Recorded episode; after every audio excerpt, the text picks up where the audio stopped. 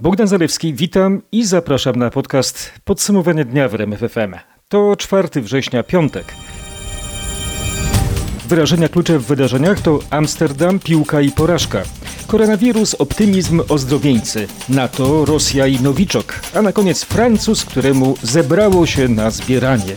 Na plaży. O Holender, przegraliśmy. Od porażki z reprezentacją Holandii Polacy rozpoczęli drugą edycję Ligi Narodów. Przegraliśmy w Amsterdamie 0 do 1. Patryk Serwański twierdzi, że to najniższy wymiar kary. Za jakie winy? Bramka była konsekwencją dużej przewagi Holendrów od pierwszej minuty tego spotkania. Gospodarze spokojnie rozgrywali piłkę, ale dużego zagrożenia pod bramką Szczęsnego nie było, no bo potrafiliśmy skutecznie ustawiać się w defensywie. Holendrzy potrafią jednak kilkoma podaniami rozmontować taką obronę. Przed przerwą to nie przyniosło efektu bramkowego, choć gospodarze mieli swoje okazje, no ale w 62 minucie już mi się udało. Akcję De Jonga i Htbera wykończył Bergwijn. Po stronie Holendrów na pewno dużo większa kultura gry, duże posiadanie piłki, stwarzanie presji, choćby poprzez grę wysokim pressingiem na naszej połowie. Niezbyt sobie z tym radziliśmy, choć przez długie minuty w obronie graliśmy graliśmy naprawdę bardzo solidnie. W poniedziałek w Zenicy wyjazdowy mecz Polaków z Bośnią i Hercegowiną, która w piątek zremisowała na wyjeździe z Włochami 1 do 1. Warszawa podpisała umowę z wykonawcą, który zajmie się instalacją tymczasowego rurociągu po awarii kolektorów oczyszczalni Czajka. Ustalił reporter RMFFM Paweł Walinowski.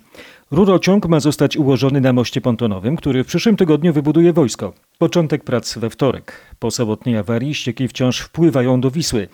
Paweł Balinowski zebrał wiedzę na temat zadań firmy zatrudnionej przez stołeczny ratusz. Przygotuje nabrzeże Wisły dla wojska, które będzie budować most, zwiezie materiały, a także najważniejsze, podłączy cały rurociąg położony na moście pontonowym do instalacji oczyszczalni po lewej i prawej stronie rzeki. To zatamuje wyciek ścieków do Wisły. Prace zaczną się lada dzień, ale terminy się nie zmieniają. Cała instalacja ma działać za 4 do 5 tygodni. To rozwiązanie tymczasowe. Docelowo ma powstać stały awaryjny rurociąg pod dnem Wisły. Według moich informacji stołeczny ratusz kończy rozmowy z firmą, która go wybuduje. W sprawie Czajki wypowiedział się starszy analityk Urzędu do Spraw Morza i Wody w Szwecji. Filip Akse przypomniał, że oczyszczalnia była znaczącym źródłem zanieczyszczeń do 2013 roku. Spodziewaliśmy się, że przeprowadzona modernizacja oczyszczalni ścieków, w tym budowa tunelu pod Wisłą, ograniczy emisję ścieków na wiele lat. Fakt, że cały wlot zawalił się po siedmiu latach rodzi wiele pytań, uważa Filip Akse. Podkreśla, że zrzut ścieków prowadzi do znacznego niedoboru tlenu i skażenia bakteryjnego Wisły, w czym polskie władze walczą poprzez ozonowanie. Niestety spodziewana jest również znaczna emisja toksyn, gdyż oczyszczalnia odbiera także ścieki przemysłowe, zaznacza szwedzki ekspert. Tylko trzy powiaty w strefie czerwonej i siedem w strefie żółtej. Ministerstwo Zdrowia zaktualizowało listę miejsc ze zwiększonymi obostrzeniami pandemicznymi. Spis skrócono z 18 do 10 powiatów. Rekordowo duża jest liczba ozdrowieńców. Aż 1227 chorych na COVID-19 miało negatywny wynik testu jednej doby. To dwa razy więcej niż liczba nowych zakażeń, których jest 691. W podcaście Mariusz Piekarski. Rekordowa liczba ozdrowieńców to efekt fali zakażeń sprzed dwóch tygodni, gdy mieliśmy po 900 przypadków dziennie. Teraz te osoby po przechorowaniu COVID-19 mają już ujemne wyniki testów. Aż 27 tysięcy osób opuszcza jednocześnie kwarantannę, ale to już wynik zmian w przepisach i skrócenia z 14 do 10 dni kwarantanny oraz wprowadzenia zasady, że osoby bez objawów na koniec kwarantanny nie muszą robić testu. Mamy też mniej powiatów z dodatkowymi obostrzeniami, czyli tak zwanych żółtych i czerwonych stref. Dochodzi do zmniejszonej ilości zakażeń w tych powiatach, czyli ten system punktowy, powiatowy, jak my to nazywamy, w tej chwili działa. Przekonuje wiceminister Waldemar Kraska. I tak do stref czerwonej, gdzie pozostał powiat pajęczański, zostały przeniesione dwa powiaty, Limanowski i miasto Nowy Sącz. Strefę czerwoną opuściły powiaty Łowicki, Lipski i Kolski. Trafiły do żółtej strefy, gdzie są jeszcze powiaty Konecki, Przeworski, Kłobucki i Nowosądecki. Dziewięć powiatów wróciło do strefy zielonej, w tym Kraków. O koronawirusowej sytuacji w Krakowie opowie szczegółowo Marek Wiosło. Zaczynamy od soboty. Od jutra w Krakowie przestaną obowiązywać obostrzenia dotyczące żółtej strefy. Z ostatnich danych inspekcji sanitarnej wynika, że w stolicy Małopolski znacząco spadł współczynnik zakażeń. To dobra wiadomość, ale nie oznacza, że rezygnujemy ze środków ostrożności, mówi Monika Chylaszek z krakowskiego magistratu. Chciałam podziękować krakowianom za tą dyscyplinę. Prosimy o to, żeby mimo wszystko ciągle pamiętać, że trwa epidemia. Nadal będą dezynfekowane ulice, nadal będą dezynfekowane pojazdy komunikacji miejskiej. Niestety jednym z nowych ognisk ognisk koronawirusa jest klasztor w krakowskich Łagiewnikach. Zakażenie potwierdzono tam już u 35 zakonnic. W województwie małopolskim zmieniają się także obostrzenia w kilku powiatach od jutra. Strefa czerwona obowiązywać będzie w powiecie limanowskim i na terenie miasta Nowy Sącz. Strefą żółtą wciąż pozostanie powiat nowosądecki, a w strefach ostrzegawczych znalazły się powiat tatrzański i nowotarski. Czas na raport z Podkarpacia. Krzysztof Kot opowie, gdzie panuje najgorsza sytuacja. O dziwo wcale nie w powiecie przeworskim, który od jutra ma być w żółtej strefie. Owszem, było tam dużo przypadków 39 związanych z zakładem odzieżowym, ale ten od 24 sierpnia normalnie pracuje, a od 25 nie wykryto już żadnego nowego. Dużo bardziej dynamiczna sytuacja jest związana z powiatem leżajskim, który będzie w strefie niebieskiej. Dzisiaj 39 przypadków to ognisko weselne w Grodzisku Dolnym. Łącznie już pochodzi z niego 67 i to niestety nie jest koniec, bo na weselu bawiło się 96 osób. Nie są znane wyniki wszystkich uczestników, a cały czas typowane są też nowe osoby z kontaktu. Koronawirus pojawił się w szpitalu w Dzierżoniowie na Dolnym Śląsku. Paweł Pyclik otrzymał odpowiedź na pytanie, u kogo stwierdzono zakażenie. Pozytywny wynik badania w kierunku COVID-19 ma jeden z pacjentów. Do odwołania wstrzymano więc przyjęcia na oddział internistyczny oraz ginekologiczny. Teraz około 30 osobom trzeba zrobić testy. Wśród nich jest personel i są pacjenci. Jeśli wszyscy nie będą mieć wirusa, sytuacja w szpitalu zacznie wracać do normy od wtorku. Przypomnę, w ubiegłym tygodniu z powodu koronawirusa nie działało dzierżoniowskie pogotowie. Wykryto go u sześciu pracowników. Obecnie Obecnie w dzień funkcjonują trzy z czterech zespołów ratowniczych, a w województwie dolnośląskim odnotowano dziś 27 nowych przypadków zakażenia. Od początku epidemii w tym regionie zachorowało 4158 osób. Najpierw teleporada, potem pięciodniowa obserwacja, po niej badanie przez lekarza w przychodni i dopiero wtedy ewentualna decyzja o testach. Przypominam czwartkową informację, tak ma wyglądać w Polsce covidowa rządowa prewencja jesienią. Lekarze rodzinni domagają się automatycznych testów, bojąc się o zdrowie swoje i swoich pacjentów. Jak nową strategię tłumaczył poranny gość RMFFM minister zdrowia Adam Niedzielski? Takie podejście spowoduje, że tak jak dziennie przychodzi 100 tysięcy w sezonie infekcyjnym ludzi do lekarzy rodzinnych, żeby po, poszukać pomocy, to te 100 tysięcy trzeba by było wszystkich przetestować. A wiadomo, że nie ma takiej potrzeby, bo testowanie powinno być jednak oparte na weryfikowaniu. Ale nie obawia się pan, objawów. panie ministrze, ja to rozumiem, tylko nie obawia się pan, panie ministrze, że jak się połączy chorych ze zdrowymi, a albo inaczej, zakażonych z niezakażonymi. Ale w jaki sposób połączy? No bo oni będą przychodzili do tej samej fizycznie, do Ale tego samego lekarza trzeba się rodzinnego. zorganizować w ten sposób, że trzeba umawiać pacjentów na godziny. Powinny być wydzielone strefy do obsługi chorych i zdrowych. I tak powinno być w każdej przychodni, upiera się minister zdrowia wbrew obiekcjom i protestom wielu lekarzy. Czeka na Was na rmf24.pl cała rozmowa Roberta Mazurka z Adamem Niedzielskim. A teraz w podcaście dowód na to, że koronawirusa nie można bagatelizować. To straszna choroba i w błędzie są ci, którzy myślą, że nie jest groźna, mówią pacjenci ze Szpitala Uniwersyteckiego w Krakowie. Na oddziale przeznaczonym do leczenia pacjentów z COVID-19 przebywa ponad 300 osób. Jednym z nich jest 73-letni pan Tadeusz, który do placówki trafił wraz ze swoim synem. Ja zachorowałem, nawet nie wiem jak. Gorączka przyszła, y, leki, nic nie pomagały. Zbił temperaturę, od nowa się powtórzyło. Drugi raz poszedłem do lekarza, lekarz znowu dał leki, skierowali mnie do szpitala na zakaźny i wyszło mi, że jestem chory. Była bardzo wysoka temperatura i się bałem, że coś się stanie, może, może się stanąć coś. Najpierw kroplówki, to tamto, patrzyli tylko, czy, czy nie mam temperatury. Jak była temperatura, to mi zbijali.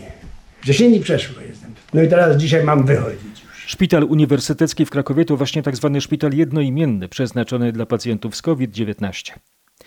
W podcaście mamy nie tylko takie przygnębiające pandemiczne wieści, oto pozytywne doniesienia. Szwedzcy naukowcy z Instytutu Karolińskiego w Sztokholmie odkryli nową klasę drobnych przeciwciał, które mogą pomóc w walce z COVID-19, utrudniając koronawirusom wnikanie do komórek organizmu. Informacje na ten temat uzyskał Grzegorz Jasiński. Co ciekawe, przeciwciała te pochodzą od zwierząt, konkretnie od alpaki. U zwierząt wielbłądowatych po raz pierwszy je odkryto. Badania nad wykorzystaniem ich przeciw koronawirusom trwały od lutego, kiedy białka koronawirusa SARS-CoV-2 wstrzyknięto alpace o imieniu Tyson. Po 60 dniach stwierdzono, że organizm zwierzęcia silnie zareagował. Gdy przeciwciała wyodrębniono, okazało się, że ich fragmenty skutecznie przyłączają się do tego miejsca białka powierzchniowego wirusa, które podczas zakażenia wiąże się z receptorem AC2.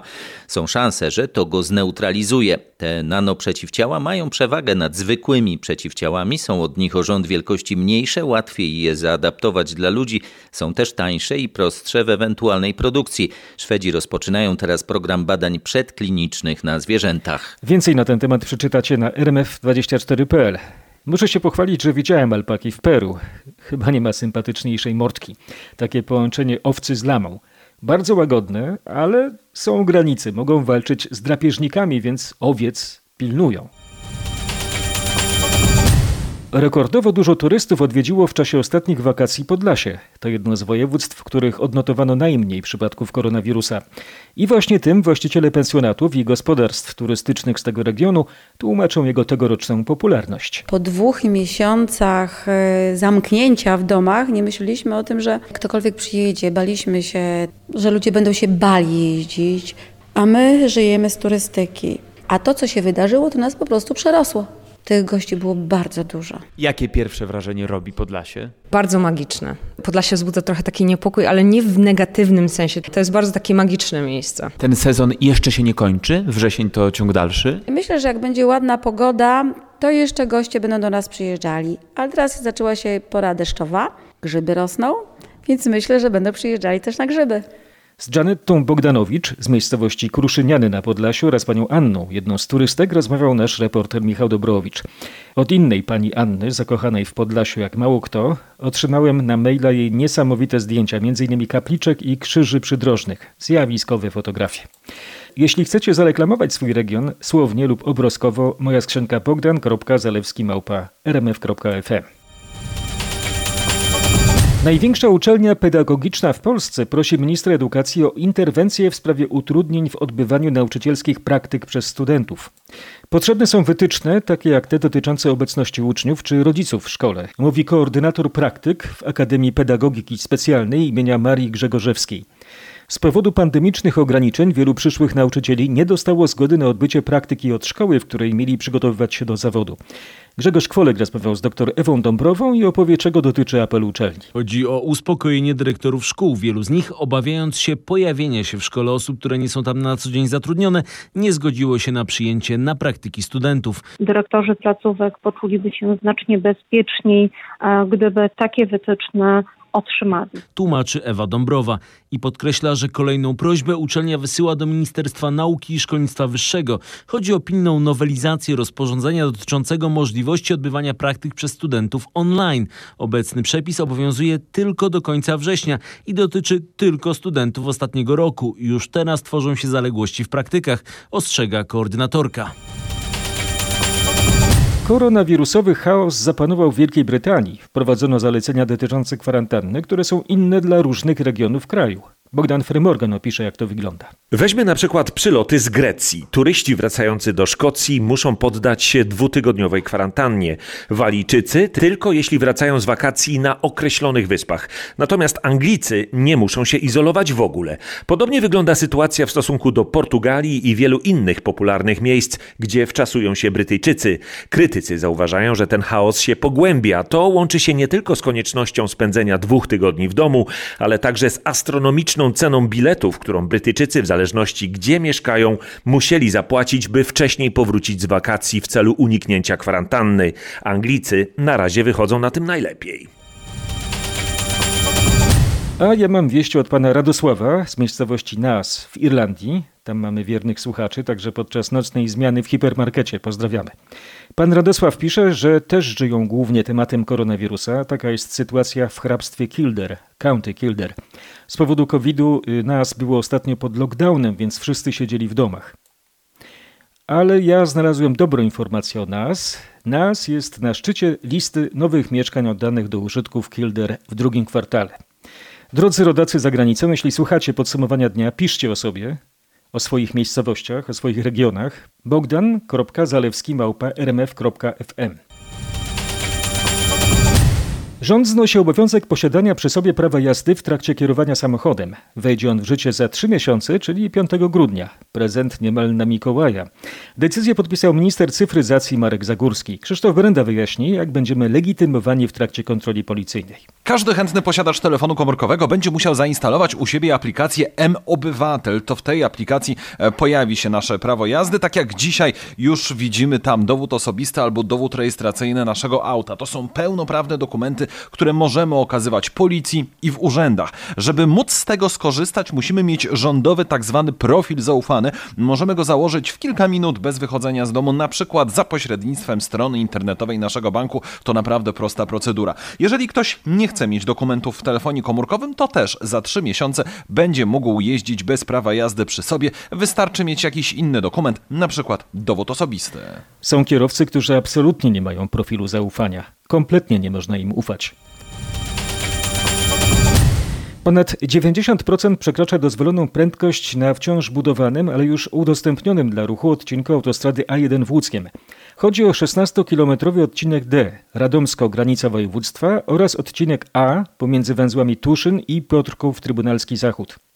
Rekordziści pomimo ograniczenia prędkości do 60 bądź 70 km na godzinę potrafią pędzić tam ponad 190. O efektach mówi Artur Więsierski, kierownik budowy na A1. W pierwszych dniach od razu były dwa dosyć poważne wypadki drogowe. Przy przekroczeniu prędkości były dwa zderzenia czołowe. Kierowcy nie zauważyli, że jest zwężenie do jednej jezdni, przerzucenie na e, starą jezdnię, więc e, od razu miały miejsce dwa wypadki dosyć poważne. Jaki jest sposób na drogowych piratów? Takim docelowym na etapie budowy naszym zamiarem jest wprowadzenie odcinkowego pomiaru prędkości i to w zasadzie załatwiałoby sprawę, ponieważ y, ci wszyscy, którzy by sobie pozwalali na to, że y, zbyt szybko jadą, później dostaliby do domu odpowiednie pismo, z którym musieliby się wybrać na pocztę, uiścić stosowną opłatę i przy okazji jeszcze, myślę, zarobić parę punktów karnych. Ostrzegał rzecznik Generalnej Dyrekcji Dróg Krajowych i Autostrad w Łodzi Maciej Zalewski.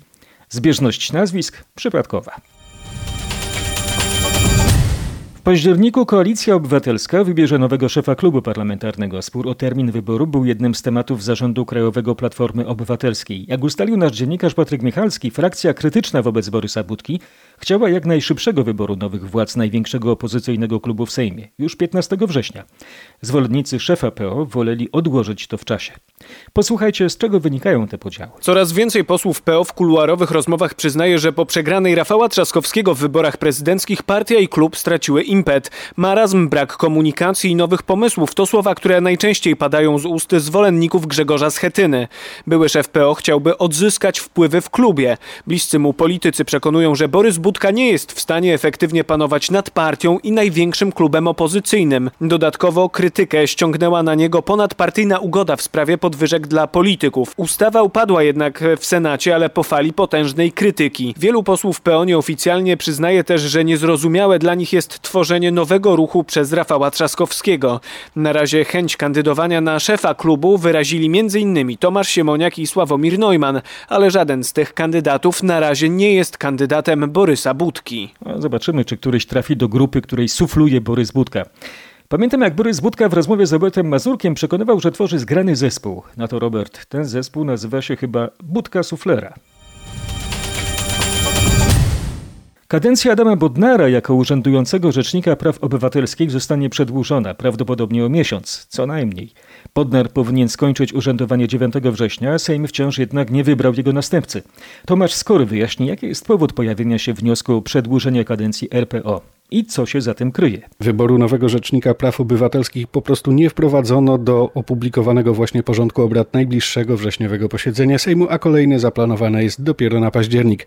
Formalnie wszystko jest gotowe. Jedyną kandydatkę popieraną przez prawie 340 organizacji społecznych Zuzannę Rudzińską-Bluszcz zgłosiły jednak kluby opozycji, no i nie ma ona szans w głosowaniu. Rządzący PiS nie zgłosił nikogo, bo z kolei jego kandydat wybrany w Sejmie nie miałby pewnie szans na zaakceptowanie w Senacie, w którym PiS nie ma większości. Kandydata, na którego zgodziłyby się i Sejm i Senat, zaś nie tylko nie ma, ale żadna ze stron nawet nie próbuje go z tą drugą uzgadniać. Efektem jest właśnie dalsze urzędowanie obecnego RPO Adama Bodnara, chociaż jego kadencja kończy się za kilka dni. Związkowcy z Polskiej Grupy Górniczej w liście do premiera wyrazili zaniepokojenie dotychczasowym przebiegiem obrad zespołu, który ma wypracować program naprawczy dla górnictwa. Zaapelowali także do śląskich parlamentarzystów o zainteresowanie się dramatycznie złą, jak ocenili, sytuacją spółki. Związkowcy ze Śląsko-Dąbrowskiej Solidarności poprosili premiera o pilne spotkanie. Państwowe koncerny z branży energetycznej od dawna nie odbierają zakontraktowanego węgla. Jeśli sytuacja ta nadal będzie miała miejsce, wkrótce PGG może ogłosić upadłość, co spowoduje wybuch niepokojów społecznych w całym regionie. Uważają związkowcy, którzy już wcześniej zwracali uwagę na problemy związane z odbiorem węgla przez spółki energetyczne. W zawrotach koło Morąga w Warmińsko-Mazurskiem wykryto ósme, największe w tym roku ognisko afrykańskiego pomoru świń na Warmii i Mazurach, donosi Piotr Bułakowski.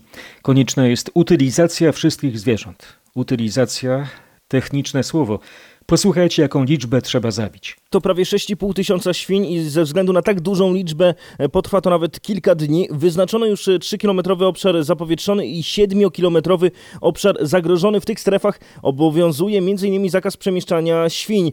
Jak powiedział mi warmińsko-mazurski lekarz weterynarii Jerzy Koronowski, rolnicy powinni pamiętać o bioasekuracji. Drogą maszyn rolniczych, które przedostają się, które przejeżdżają z pól, na kołach można wieść grudki ziemi, które mogą zawierać e, resztki tkanek zwierzęcych padłych w okolicy dzików. W tym roku w Warmińsko-Mazurskiem stwierdzono ponad tysiąc przypadków afrykańskiego pomoru świń u dzików. Kolejne zatrzymania w śledztwie dotyczącym byłego burmistrza stołecznej dzielnicy Włochy. CBA zatrzymało prezesa jednej ze stołecznych firm i udziałowca tej spółki. Jak informuje Krzysztof Zasada, usłyszeli już zarzuty korupcyjne. Posłuchajcie, jak i gdzie trzeba było posmarować. Smary były, że tak powiem, silnikowe. Jak twierdzą śledczy, prezes spółki przekazał byłemu samorządowcowi w bezpłatne użytkowanie luksusowy samochód. Dodatkowo opłacił ubezpieczenie tego pojazdu, a także abonament parkingowy. Prokuratura nie chce ujawniać, za co konkretnie były te korzyści. Precyzuje jedynie, że miały związek z pełnieniem przez Artura W. funkcji w samorządzie. Drugi z biznesmenów usłyszał zarzut składania fałszywych zeznań w sprawie udostępnienia tego samochodu. Były burmistrz wpadł w ręce CBA na jesieni zeszłego roku po przyjęciu łapówki w wysokości 200 tysięcy złotych od tureckiego biznesmena Sabriego B. Poznańska prokuratura i informatycy wynajęci przez marszałka województwa próbują ustalić, czy w konkursie na granty dla małych i mikrofirm mogło dojść do nieprawidłowości. Mówiliśmy już o tym w czwartkowym podcaście. Pamiętacie? Chodzi o ewentualny udział tzw. Tak botów, czyli komputerowych programów wykonujących czynności za człowieka w internetowym składaniu wniosków o dotacje. Organizowała go Wielkopolska Agencja Rozwoju Przedsiębiorczości.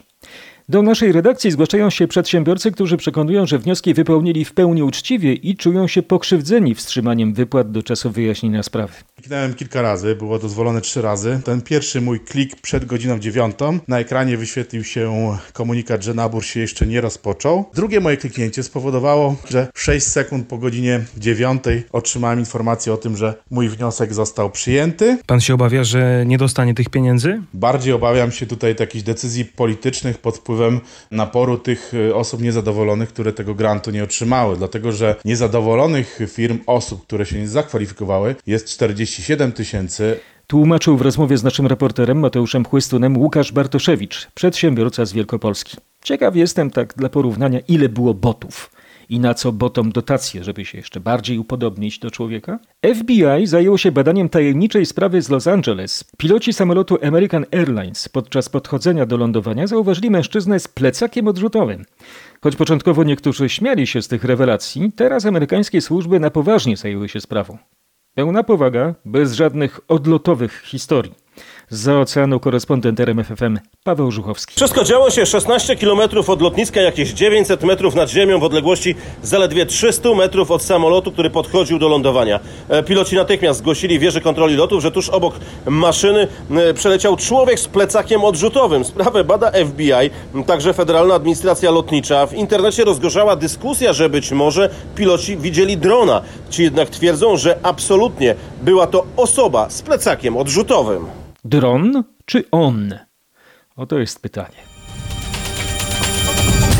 W Gdańsku zaczął się zlot żaglowców Baltic Sail. Międzynarodowa impreza w tym roku odbywa się z małą grupką gości z zagranicy.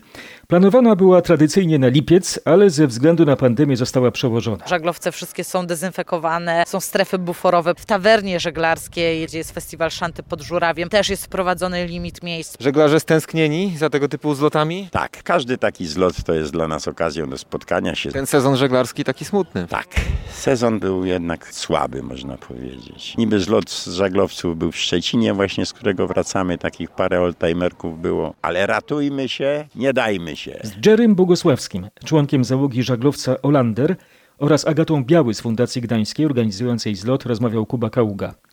Powtarzam, optymistyczne hasło, nie dajmy się. Dajmy na to liczby. Dla mnie to spora atrakcja. W Gdańsku zjawi się 20 tradycyjnych, dużych żaglowców i około 80 mniejszych jachtów. Leniuchy mają lepiej we wrocławskim ogrodzie zoologicznym. Żartuję. To 33-hektarowy teren, w którym żyje ponad tysiąc gatunków zwierząt i teraz nie trzeba go już zwiedzać na własnych nogach. Można wykupić wycieczkę Meleksem przez zoo. Oficjalny start 14 września. To co, jedziecie z nami na próbę? Bez obaw. Ruszamy z ekspertkami Katarzyną Walowską i Agnieszką Korzeniowską. W drogę. Przekradamy się przez teraz gąszcz bambusów, żeby zacząć trasę tutaj przy myszo-jeleniu, nasz klasyczny, bardzo znany i rozpoznawalny gatunek, chociaż mało widoczny, czyli kanczyl filipiński, jeden z najmniejszych gatunków kopytnych zwierząt. To taka fantastyczna wyprawa w pigułce po całym zoo. Na zwiedzenie zoo na pewno potrzeba całego dnia, ale nie zawsze też mamy tyle czasu czy siły na to, żeby tak zoo odwiedzić. Całe zoo jesteśmy w stanie dzięki Meleksowi zwiedzić w godzinę. Oczywiście można potem tutaj dłużej zostać i sobie pospać spacerować? Zobaczcie na rmf24.pl jak wygląda jazda Meleksem przez zoo we Wrocławiu. Kierowcami są przewodnicy, którzy znają to miejsce jak własną kieszeń, jak kangurzyca lęgową torby. I jeszcze w podcaście mamy suwenir z Sardynii. Suwenir to z francuska znaczy pamiątka. Oj, zapamięta sobie na długo pewien Francuz pamiątkę z włoskiej wyspy. Posłuchajcie Marka Gołodysza, ile kosztowały wycieczkowicza na koniec wakacje na tej włoskiej wyspie. Francuski turysta został zatrzymany na lotnisku przez włoskich celników z powodu dwóch kilogramów piasku, który zabrał na pamiątkę w plastikowej butelce po wodzie mineralnej z jednej z plaż Sardynii. Wyjaśnił, że podobał mu się kształt ziaren tego piasku, które przypominają ryż. Musiał zapłacić karę w wysokości, uwaga, 1000 euro. Miejscowe władze przypominają, że wywożenie nawet małych ilości piasku z Sardynii jest zakazane i zapowiadają, że będą bezlitosne, tym bardziej, że zdarzało się już, iż turyści wypełniali piaskiem z tej wyspy całe bagażniki samochodów. Mam skojarzenie z przeszłości. Anegdotę. Przed laty mówiono, że gdyby wprowadzić komunizm na Saharze, to za parę lat zabrakłoby piasku i trzeba by go było na pustynię importować. No a jeśli chodzi o oryginalne pamiątki, to słynny dwudziestowieczny artysta, prowokator Marcel Duchamp Kupił pustą ampułkę w aptece w Paryżu i w ten sposób powstało jego słynne dadaistyczne dzieło zatytułowane 50 centymetrów sześciennych paryskiego powietrza. No, gdyby tak każdy robił, to w Paryżu nie byłoby czym oddychać. Westchnąłem, bo spotkamy się w następnym tygodniu. W weekend nie ma tego podcastu. W poniedziałek pojawi się podsumowanie dnia w RMFFM.